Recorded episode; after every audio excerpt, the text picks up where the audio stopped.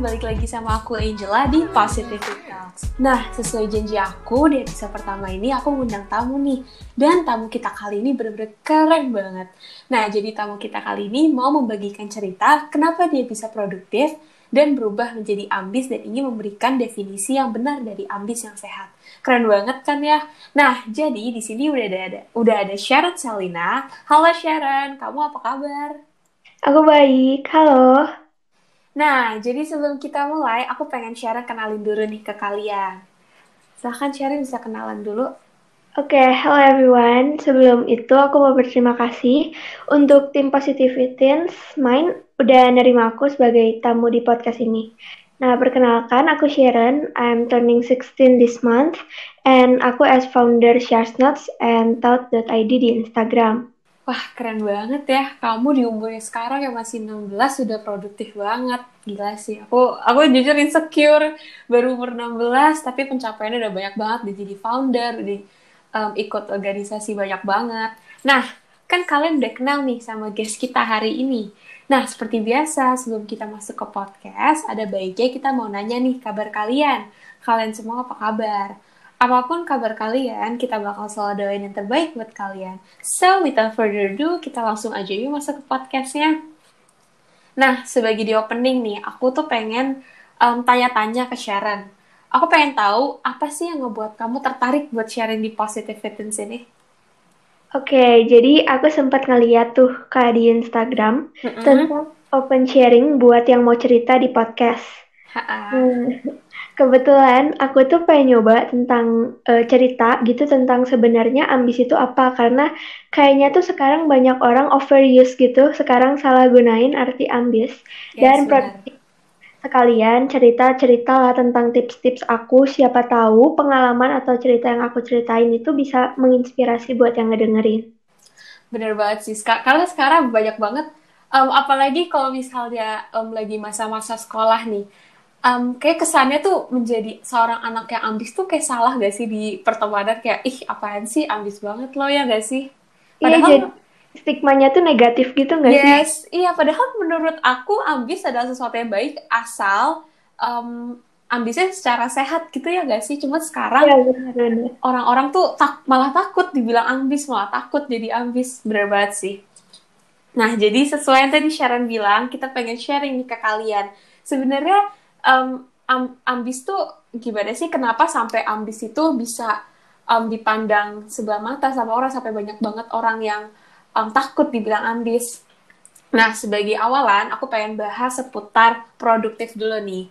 Nah, kalau menurut aku sendiri, produktif itu tuh bukan sekedar mengerjakan sesuatu doang. Kadang malah orang sibuk aja udah dibilang produktif, padahal dia cuma ngejar deadline. Dan menurut aku itu bukan produktif menurut aku produktif adalah di saat kamu melakukan sesuatu yang bermanfaat di waktu luang kamu. Jadi kayak misalnya sekolah full day nih, kan uh, kita terus-terusan sekolah nih, terus kamu bisa bilang diri kamu produktif. Tapi menurut aku itu bukan produktif, itu kewajiban. Kalau produktif ya misalnya setelah sekolah, terus kamu punya banyak waktu luang, terus kamu pakai waktu luang itu buat belajar, buat olahraga, atau buat melakukan suatu hal yang bermanfaat, nah itu baru produktif.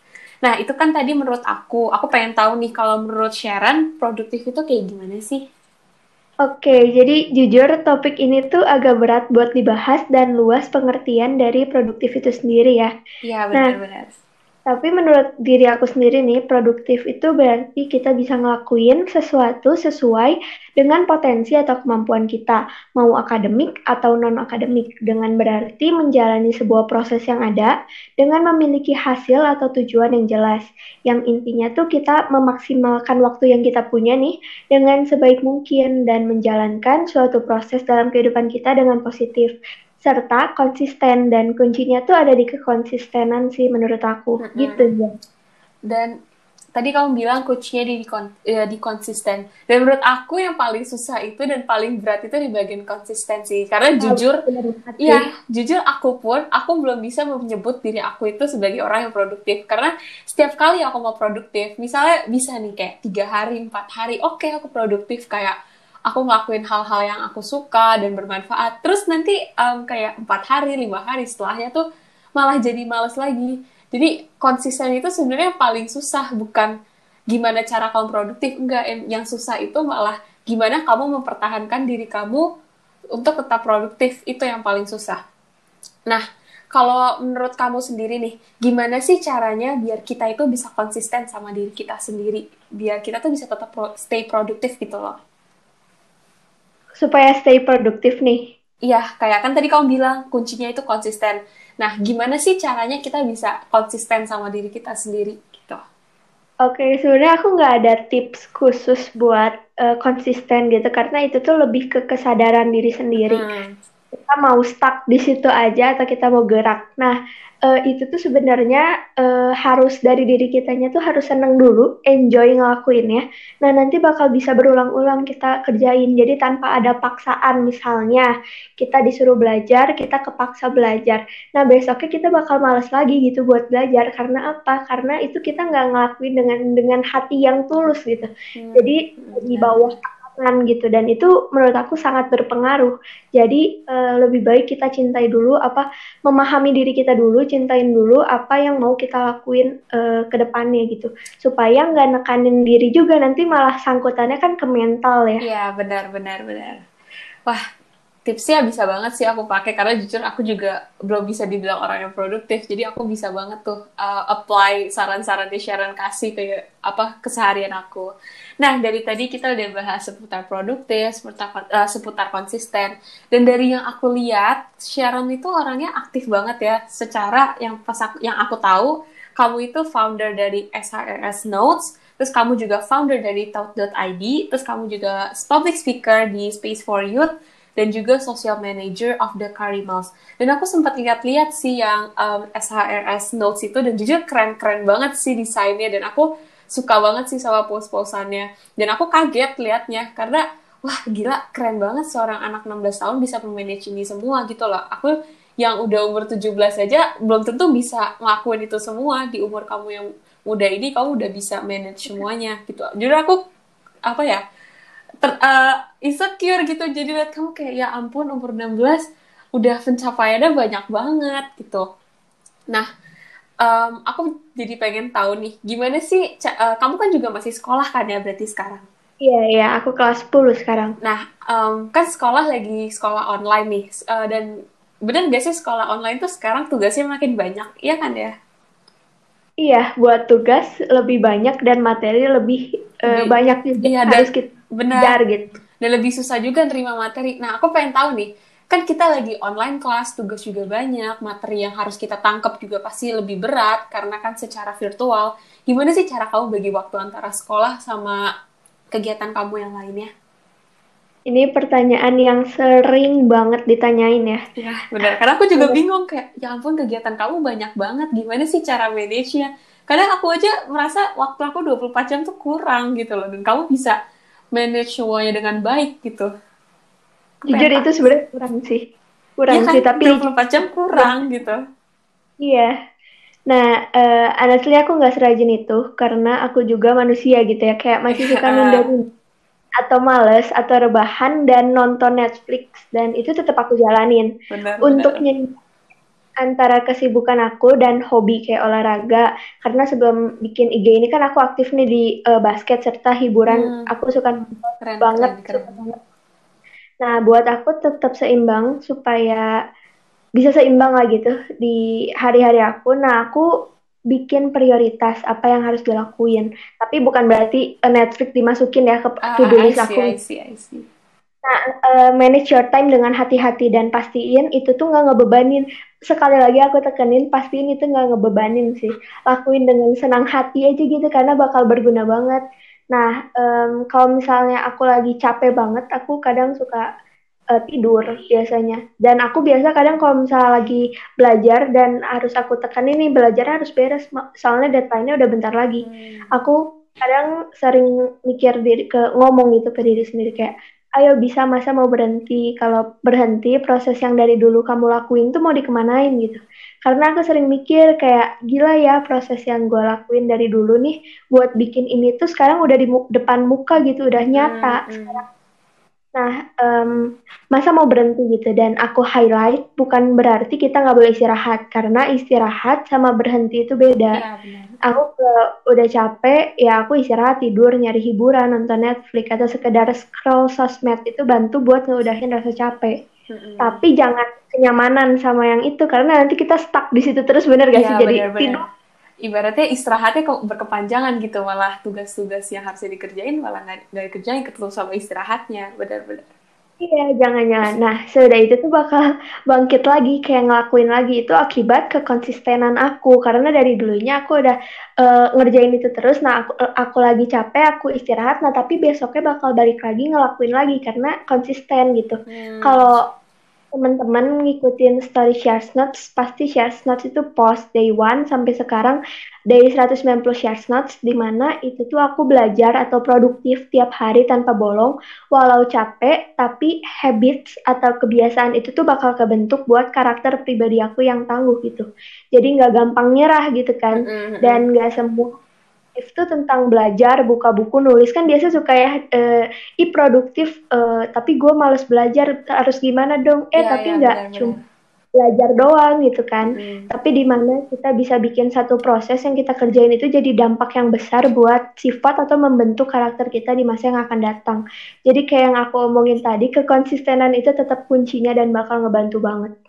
Iya benar-benar. Tapi iya emang konsisten itu emang um, kalau misalnya mau produktif ya emang harus konsisten dan masalah yang utama banget sekarang dialami oleh remaja kayak kita itu susah buat konsisten gitu. Mungkin mereka kayak udah oke okay, um, udah bikin um, misalnya tadi kayak um, skala prioritas gitu-gitu. Cuman mungkin kadang kayak cuma berjalan selama seminggu terus nanti seminggu setelahnya juga apa namanya eh, tapi konsisten lagi.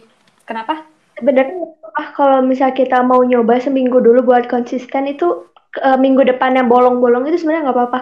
Soalnya waktu aku nyoba juga, aku tuh pertama cuma tiga hari, aku konsisten tiga hmm, hari, hmm. klik gitu.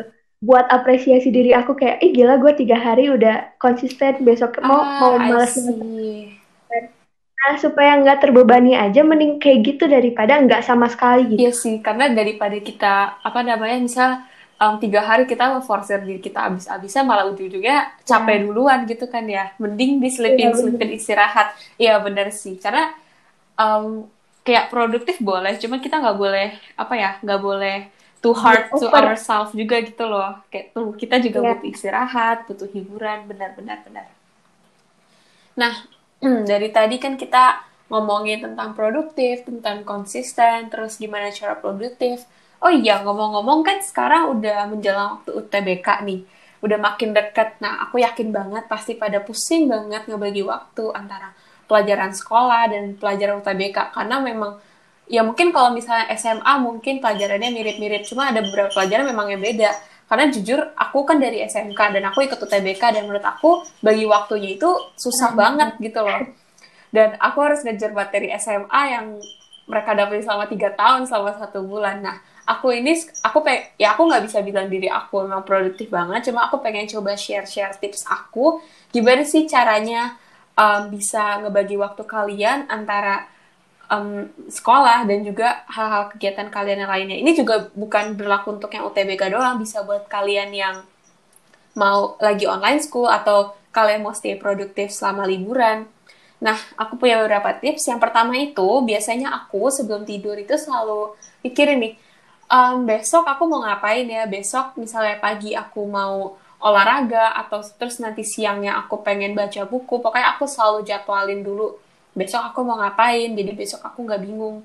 Terus yang kedua kalian itu nggak boleh fokus sama satu hal doang karena kalau misalnya kalian cuma fokus sama satu hal ya hal-hal lainnya bakal keteteran sendiri ujung-ujungnya.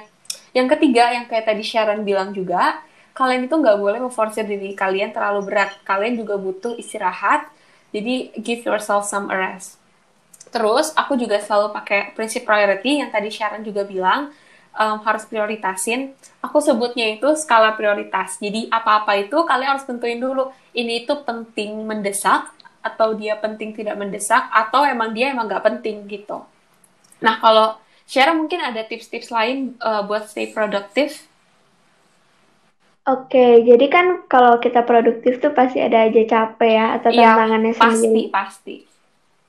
Dan biasanya aku healing sih kayak menyempatkan waktu untuk memahami diri aku kayak self healing sejauh mana uh, apa apa sejauh mana aku berproses, apa aja yang udah aku lakuin sejauh ini, misalnya dalam seminggu, apa aja sih yang udah aku lakuin seminggu ini, dan apa aja yang udah aku hasilin, misal aku dapat nilai atau apa pun itu. Mm-hmm. Nah, sudah itu aku mikirin lagi apa aja yang aku mau capai buat minggu depannya, dan gimana cara aku uh, dapetin itu.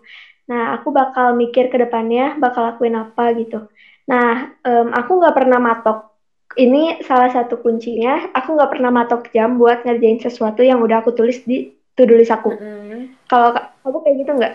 Apa matok uh, jam? Kadang aku kayak suka targetin sih misalnya uh, aku belajar, aku target misalnya oke okay, dua jam aja, terus habis itu aku baru stop. Biasanya aku tapi aku nggak terlalu nggak terlalu misalnya dua jam, oh harus dua jam. Kadang misalnya menurut aku dua jam masih kurang ya kadang aku tambahin atau menurut aku dua jam terlalu berlebihan ya aku kurangin gitu sih kalau matok jam misalnya jam satu aku harus harus udah ngerjain kimia. Gitu? Oh enggak. Suka enggak? Kalau kayak gitu jatuhnya kita jadi keburu-buru gak sih? Kayak aduh deadline terus ya, gitu loh. Iya kalau kalau matok jam itu kesannya kita maksa diri kita hmm, untuk lakuin sesuatu benar-benar kan Sedangkan kalau aku enggak, aku nggak mau maksa diri aku buat lakuin itu, terus aku lakuinnya gimana dong kalau nggak ada paksaan dari diri atau dari luar? Jawabannya simple sih, kesadaran diri itu lebih worth it serta bakal ngebantu karakter kayak yang tadi ya aku bilang. Karena dengan kita sadar kalau kita laku, harus lakuin hal itu tuh itu bakal ngebantu banget dan itu tantangannya. Nah, uh, kita bakal punya rasa tanggung jawab buat ngerjain itu dan sekali lagi kita nggak akan kepaksa ngelakuinnya jadi enjoy. Nah, jadi tips dari aku banyakin realistis aja, yeah. sadar sih gimana kita kalau nggak ada aksi gitu kan. Itu sih kuncinya. Tapi ini loh, kayak uh, berasa nggak sih kita tuh produktif apa enggaknya tuh uh, lingkungan sama pertemanan kita tuh juga per, uh, pengaruh loh ke kita produktif. Misalnya um, yang aku rasain kayak misal uh, sebelum online school ya, pas masih offline, kayak misalnya um, circle aku tuh orangnya males, orangnya ya ya udahlah yang penting lulus. Pasti um, akunya tuh ke bawah jadi ikutan males juga. Terus um, misalnya aku ganti circle circle-nya itu yang ambis yang harus dapat nilai bagus. Kita juga jadi ke bawah ke bawah apa ya ke bawah semangat gitu. Ya nggak sih? Kayak lingkungan tuh penting. bisa iya. bisa iya bisa enggak. Soalnya ini aku buka-bukaan di podcast ini hmm. aja ya. Jadi uh, waktu SD itu aku ranking 140 dari 145 siswa. Mm -hmm. Itu kelas 6. Nah, masuk SMP, aku tuh gara-gara kayaknya waktu kelas 6 tuh aku banyak masalah gitu lah, uh, bulian atau tekanan dari orang tua ah, juga. Nah, um, apa waktu masuk SMP aku kan ganti circle tuh pastinya mm -hmm. kan. Nah, circle aku yang ini tuh ya sama aja kayak yang tadi kayak lurus-lurus aja gitu. Mm -hmm, yang penting lurus aja gitu kan ya ya yang pinter tapi ada beberapa yang pinter. Uh, cuman akunya agak terforsi apa sih agak tertekan juga karena nilai aku tuh gak seimbang gitu sama mereka. Nah di kelas 8 aku nyoba ngejar materi ny apa ngejar materi gitu. Dan tapi aku belum dapat ranking nih mm -hmm. uh, belum dapat ranking lama di kelas. Nah waktu kelas 9 aku tuh sempet pisah sama circle aku itu jadi uh, kelas kelasnya tuh pisah-pisah aku kelasnya sendiri oh, mereka iya, yang iya. lain ber ya aku punya circle baru dong di kelas mm. tapi tetap aku temenan circle aku yang lama nah di kelas 9 aku tuh kemarin puji Tuhan dapat ranking 3 di kelas oh, nah keren uh, keren keren tuh gara-gara nggak tahu gara-gara circle apa gak tahu gara-gara kesadaran diri aku sendiri ya soalnya aku tuh nggak pernah ambis di depan teman-teman ngerti nggak sih? Jadi aku ambisnya diam oh iya ngerti ngerti ngerti. Aku juga gitu sih. Kayak yang sekarang lagi dibahas kayak sekarang yang lagi banyak dibahas sama orang-orang. Makanya kenapa menurut mereka tuh ambis tuh nggak sehat? Hmm. menurut mereka anak ambis tuh apa sih gitu? Iya, kayak iya. negatif lah pokoknya. Iya am ya kan? kayak ambis. Ih iya. kesannya ambis tuh egois gitu ya nggak sih? Ya, padahal mah enggak sih. Tergantung sih tergantung individunya kayak hmm. gimana. Nah kalau menurut aku circle ya bisa bisa menjadikan diri kita. Tapi sesuai diri kitanya juga sih. Kadang nggak pengaruh ke ambis malah pengaruh ke sifat-sifat kita yang jelek. Kadang anak-anak ambis juga kan ada ya kali ya sifatnya yang jelek. Maksudnya ya, yang nakal gitu kadang kan nggak mau kalah juga gitu malah curang. ya, ya banyak sih yang kayak gitu. Menurut aku itu pengaruhnya. Kalau misalnya ambisnya enggak terlalu sih. Oh oke okay, oke. Okay. nah um, tadi sempat nyinggung-nyinggung ambis juga kan. Sekarang aku lagi uh, aku pengen bahas seputar ambis nih. As we know tuh kata ambis famous banget zaman sekarang di kalangan sekolah. Kayak yang tadi aku pertama bilang kayak misalnya besok ulangan semua teman-teman kita nggak ada yang belajar terus kita belajar. Terus pasti kita kayak langsung dikatain gitu nggak sih? Kayak ih ambis banget sih lo. Padahal kan kita melakukan itu ya supaya nilai kita baik gitu loh. Kayak ya kalian gak belajar yeah. kalian masuk jurang masa aku juga harus ikutan masuk jurang gitu kan istilahnya. ya kan nilai-nilai mas uh, nilai sendiri juga gitu. Nah terus uh, menurut aku malah ambis itu not a bad thing gitu loh. Ambis itu ya bagus karena kalau misalnya kita nggak ambis ya kapan kita mau berkembang ya nggak sih? Iya benar-benar. Jadi kayak apa ya perspektif ambis sekarang tuh kesannya jelek banget. Kayak jadi satu kelas jatuh kita harus ikutan jatuh. Teman kita dapat nilai jelek, kita harus ikutan dapat nilai jelek. Dan jadi malah kita teman kita nyontek, kita harus ikutan yes, nyontek gitu. Benar benar jadi karena tapi menurut aku ya malah kalau emang kalian punya teman yang ambis ya kenapa nggak kalian ikutan ambis juga ya nggak sih ya dukung lah it... jadi semangat gitu nggak sih bela belajar hmm, kayak it's a good thing jangan malah temen yang ambis kamu jerumusin buat jadi males kalau misalnya teman kamu ambis ya kamu ikutan ambis dong biar kamu bisa apa ya bisa kayak dia juga. Karena menurut aku kenapa orang-orang ngatain orang ambis? Karena mereka iri ya sih? Kayak ih nanti dia dapat bagus gue dapat jelek. Iri gak sih kak? Mereka sebenarnya itu mereka nggak bisa yes. jadi ambis mungkin ya. Atau mereka tuh sebenarnya apa ya kayaknya eh, gara-gara ini nih aku dengar salah satu quotes. Hmm. tapi sebenarnya negatif sih menurut aku. Katanya nilai itu nggak menentukan kesuksesan jadi buat apa lo ambis? Nah itu tuh dipakai sama mereka buat ngebela kemalasan mereka. Tapi sebenarnya um, dari quotes itu 50-50 sih menurut aku karena emang nggak semua kehidupan kita tentang nilai. Kayak um, ya, iya. apa manner juga perlu terus kalian soft skill juga perlu tapi nilai juga dipakai. Kalau misalnya apa ya kayak kalian tuh harus seimbangin antara nilai kal nilai kalian sama um, ya keahlian kalian lain yang nggak nggak boleh sampai nggak seimbang gitu loh. Walaupun emang nilai nggak terlalu nggak terlalu pengaruh cuman ya orang tetap lihat nilai ya nggak sih? Kayak nilai lo jelek ya lo nggak lulus gitu loh. Mau ke, kalian sehebat apa pun kalau nilai iya. kalian jelek ya kalian nggak lulus. Jadi sebenarnya nilai tetap penting. Sebenarnya sama aku juga nggak terlalu setuju sama yang setuju banget atau enggak dibilang nggak setuju juga enggak Nah, uh, nilai ini tuh gimana ya? Aku bahasnya takut ada yang ini kesinggung ya. Nanti bisa. Iya. Jadi kan menurut aku juga nilai itu nggak nggak penentu buat ke depannya. Mm -hmm. Mau kita kalau lu nilai ranking segini lu bakal sukses banget enggak lu ranking 20-an lu bakal nggak sukses enggak sih menurut aku itu tergantung dari kita cuman cuman yang salahnya tuh kenapa quotes itu tuh di jadiin tameng buat mereka yes. komen atau ngejulit yes, yes. orang. Salahin kenapa gitu? Kalian nggak bisa ngedefend diri, diri kalian sendiri dengan eh, kata-kata uh, kayak gitu. Karena kita nggak tahu perjuangan di balik orang benar, itu benar benar banget. Kayak kalau apa ya mungkin menurut menurut mereka yang pakai itu sebagai tameng mungkin nilai nggak penting. Cuman kan bagi beberapa orang ada yang merasa nilai itu penting dan ya ya udah gitu loh. Ya kenapa iya. harus kalian apa ya ngatain orang yang menurut nilai mereka pen, apa menurut mereka nilai itu penting ya. Kalau emang menurut mereka nilai itu penting ya ya kenapa ya biarin aja gitu loh. Kenapa sih nggak ngerugin kalian juga? Iya. Tapi kita nggak tahu sih kenapa mereka bisa jadiin itu tameng. Mungkin next podcast bisa masukin kayak gitu kak. Boleh boleh. Bisa jadi ide next podcast. Mungkin kalau kalau menurut aku ya mereka menjadikan itu tameng karena uh, mereka misalnya nih um, ada satu anak yang ambis terus mereka nggak bisa sampai ke titik dia makanya mereka berusaha menjatuhkan dia biar titik mereka tuh sama gitu loh karena dia nggak bisa sampai ke atas makanya dia bawa si orang ini ke bawah karena ya dia iri dia nggak mau ada orang yang lebih dari dia gitu loh Ngerti gak? Bisa sih, itu masuk akal ya kan? sih. Karena jujur aku juga punya, ya. aku dulu, aduh aku takut orang yang kesinggung. Tapi ya udahlah, nggak apa-apa buka-buka aja. Jadi dulu aku kelas 10 pernah, um, kelas 10 itu kayak masa-masanya um, perpindahan dari SMP ke SMA. Jadi kayak masih masa-masa apa ya masih bingung gitu SMA tuh kayak gimana sih? Kayak masih kaget sama pelajaran-pelajarannya.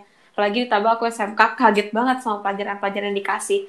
Nah pas pertama kali aku masuk SMA itu aku udah kayak berprinsip sama diri aku sendiri.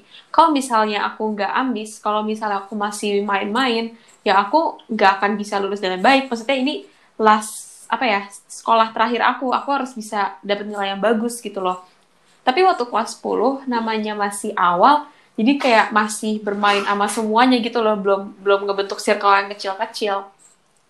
Nah, yeah, yeah. terus ada teman aku tuh yang kayak apa ya? Dia tuh kalau misalnya melihat orang belajar ataupun misalnya lagi ada orang belajar bareng tuh malah kayak, ih ngapain sih lo belajar? Ih ngapain sih? Udah deh jangan so pintar. Udah kalau nggak bisa nggak bisa aja ya udah. Terus kayak ya seenggaknya kalau emang nggak bisa ya usaha dong gitu loh dan waktu kelas 10 malah ya, aku jadi ikutan ikutan kata dia gitu loh karena aku takut nggak punya teman ngerti gak sih jadi kayak ah ya udah deh nggak usah belajar daripada dimusuhin dan ya alhasil nilai aku jeblok saat itu dan akhirnya um, kelas 10 nilai aku jeblok kelas 11 aku coba pelan-pelan naik lagi dan akhirnya sampai kelas 12 aku punya circle yang menurut aku healthy banget mau belajar bareng-bareng.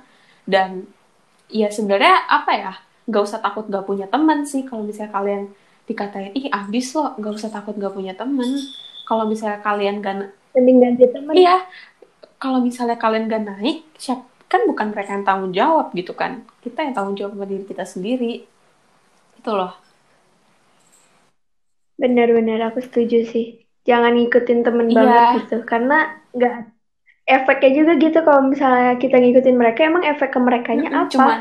Mereka nggak gimana juga itu tentang uh, efeknya malah ke efek ke, ke diri kita ya, gitu. Cuman kayak uh, apa ya ih nggak solid loh. Ya udah kalau nggak solid ya kenapa? Kalau misalnya gue gagal emang lo kalian mau bantu? Enggak kan? Ya ujung-ujungnya ngebantu diri kita ya cuma diri kita sendiri sama orang tua ya kan? Iya. Yeah. nah terus um, dari tadi kan aku sempet um, cerita yang tadi pertemanan aku atau kelas 10 dan aku bisa menyimpulkan kalau menurut aku pertemanan itu penting banget kayak um, apa ya misalnya kayak yang tadi teman aku kayak nggak um, mendukung aku untuk belajar nggak mendukung aku buat ambis aku malah jadi ikut ikutan gitu loh. Jadi menurut aku buat kalian-kalian yang mungkin masih sekolah harus pintar-pintar cari teman sih. Aku nggak ngajarin kalian buat pilih teman ya cuma kalian harus pintar-pintar cari teman mana teman yang bawa positif ke kalian, mana temen yang ngebawa kalian malah ke negatif. Gitu. Mm. Nah, dari tadi udah kelar bahas ambis, sekarang aku pengen bahas tentang kegagalan. Namanya hidup pasti ada kegagalan gak sih? Gak mungkin kan hidup lempeng-lempeng aja terus, atau misalnya hidup tuh naik terus, pasti ada jatuhnya. Um, apa ya, menurut kayak banyak banget orang yang takut sama kegagalannya gak sih? Kalau kamu takut gak sama kegagalan? lima puluh lima puluh sih. Apa ya? Kadang tuh bukan takut malah takut gak sesuai ekspektasi bukan takut gagal hmm, sih. ngerti ngerti. Karena aku sih takut ya takut gagal wajar ya namanya manusia. Siapa sih yang gak takut gagal? Cuman aku merasa kayak semakin banyak kita gagal ke depannya kita malah bisa menjadi orang yang lebih baik gitu loh. Karena um, dengan belajar dari yes, tapi banyak um, aku dulu pernah di satu situasi yang aku nggak belajar di kegagalan ngerti setiap kali aku gagal aku malah kayak nyalahin even itu nyalahin orang-orang di sekitar aku atau nyalahin diri aku sendiri. Dan itu malah nggak membuat kegagalan itu menjadi suatu value gitu loh. Malah dengan kegagalan itu aku makin gagal gitu loh jadi yang aku pengen sampaikan di sini tuh setiap kali kalau misalnya um, kalian gagal kalian itu harus apa ya dibalik ke dibalik sesuatu semua yang negatif itu pasti uh, ada satu yang positif di balik sebuah kegagalan itu pasti ada satu um, pelajaran yang pengen dikasih yang bisa kalian pakai buat um, ke, uh, ke keberhasilan berikutnya. Ya nggak sih? Kalau kamu punya nggak apa pengalaman kegagalan gitu yang malah ngebuat kamu makin sukses lagi pernah aku ceritain aja ya kamu cerita aja okay, kan aku sih pernah sempat singgung tuh tadi yang kelas mm -hmm. 6 SD aku ranking 100 dari 140 orang. Dari eh 100 ke rank ke 140 dari 145 mm. orang.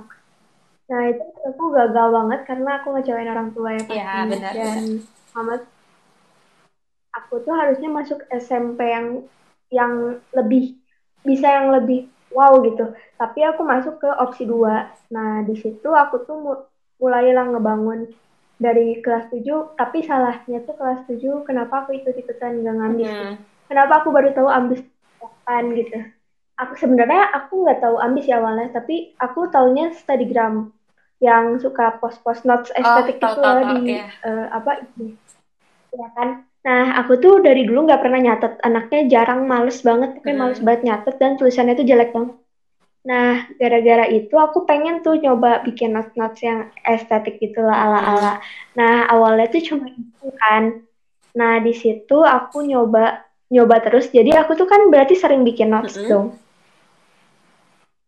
Di situ aku pakai notes itu tuh buat uh, review ulang materi yang udah aku pelajarin sehingga aku bisa dapat nilai yang memuaskan di puncak kelas 9. Nah, menurut aku uh, dari gagalnya aku itu yang kelas 9 itu eh kelas 6 itu tuh bisa bikin aku yang sekarang gitu. Karena kalau misalnya dulu aku nggak kayak mungkin gitu, gak, aku nggak tahu ya. Iya, kalau sekarang saya dulu gitu. kamu nggak gagal, mungkin kamu nggak nggak kayak yang sekarang, nggak sehebat yang sekarang ya guys sih. Iya, uh, apa ya maksudnya jangan terlalu takut sama apa yang udah kita lakuin, percayain aja ya, sama bener, Tuhan bener. sih.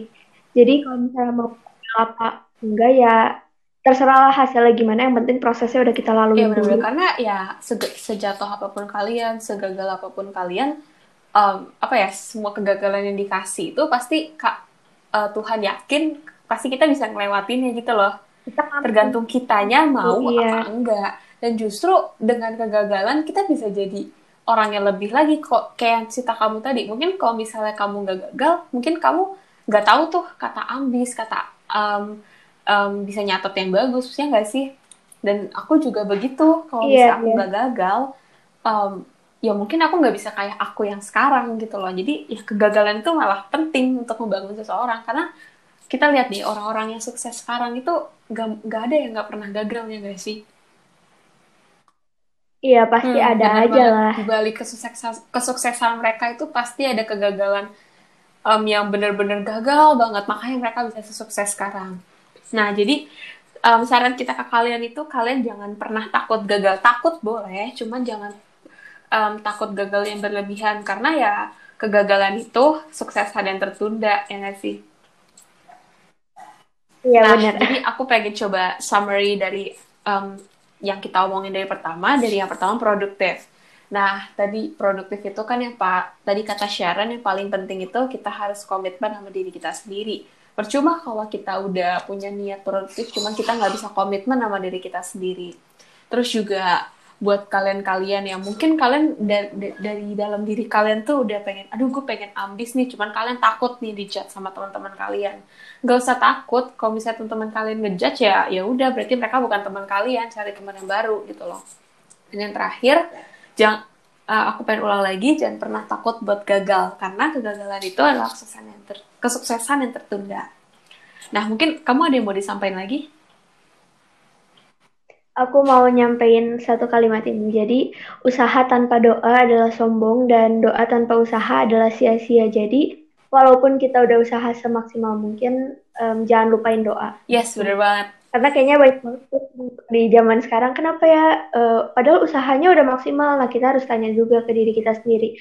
Uh, doa amalnya udah sesuai yes, belum yes bener banget. Apalagi kalau misalnya um, kalian udah doa terus cuman kalian gak usaha ya sama aja bohong gitu kan namanya ya. Sama aja. Terus um, tadi balik uh, uh, aku pengen bahas sedikit tentang yang usaha maksimal.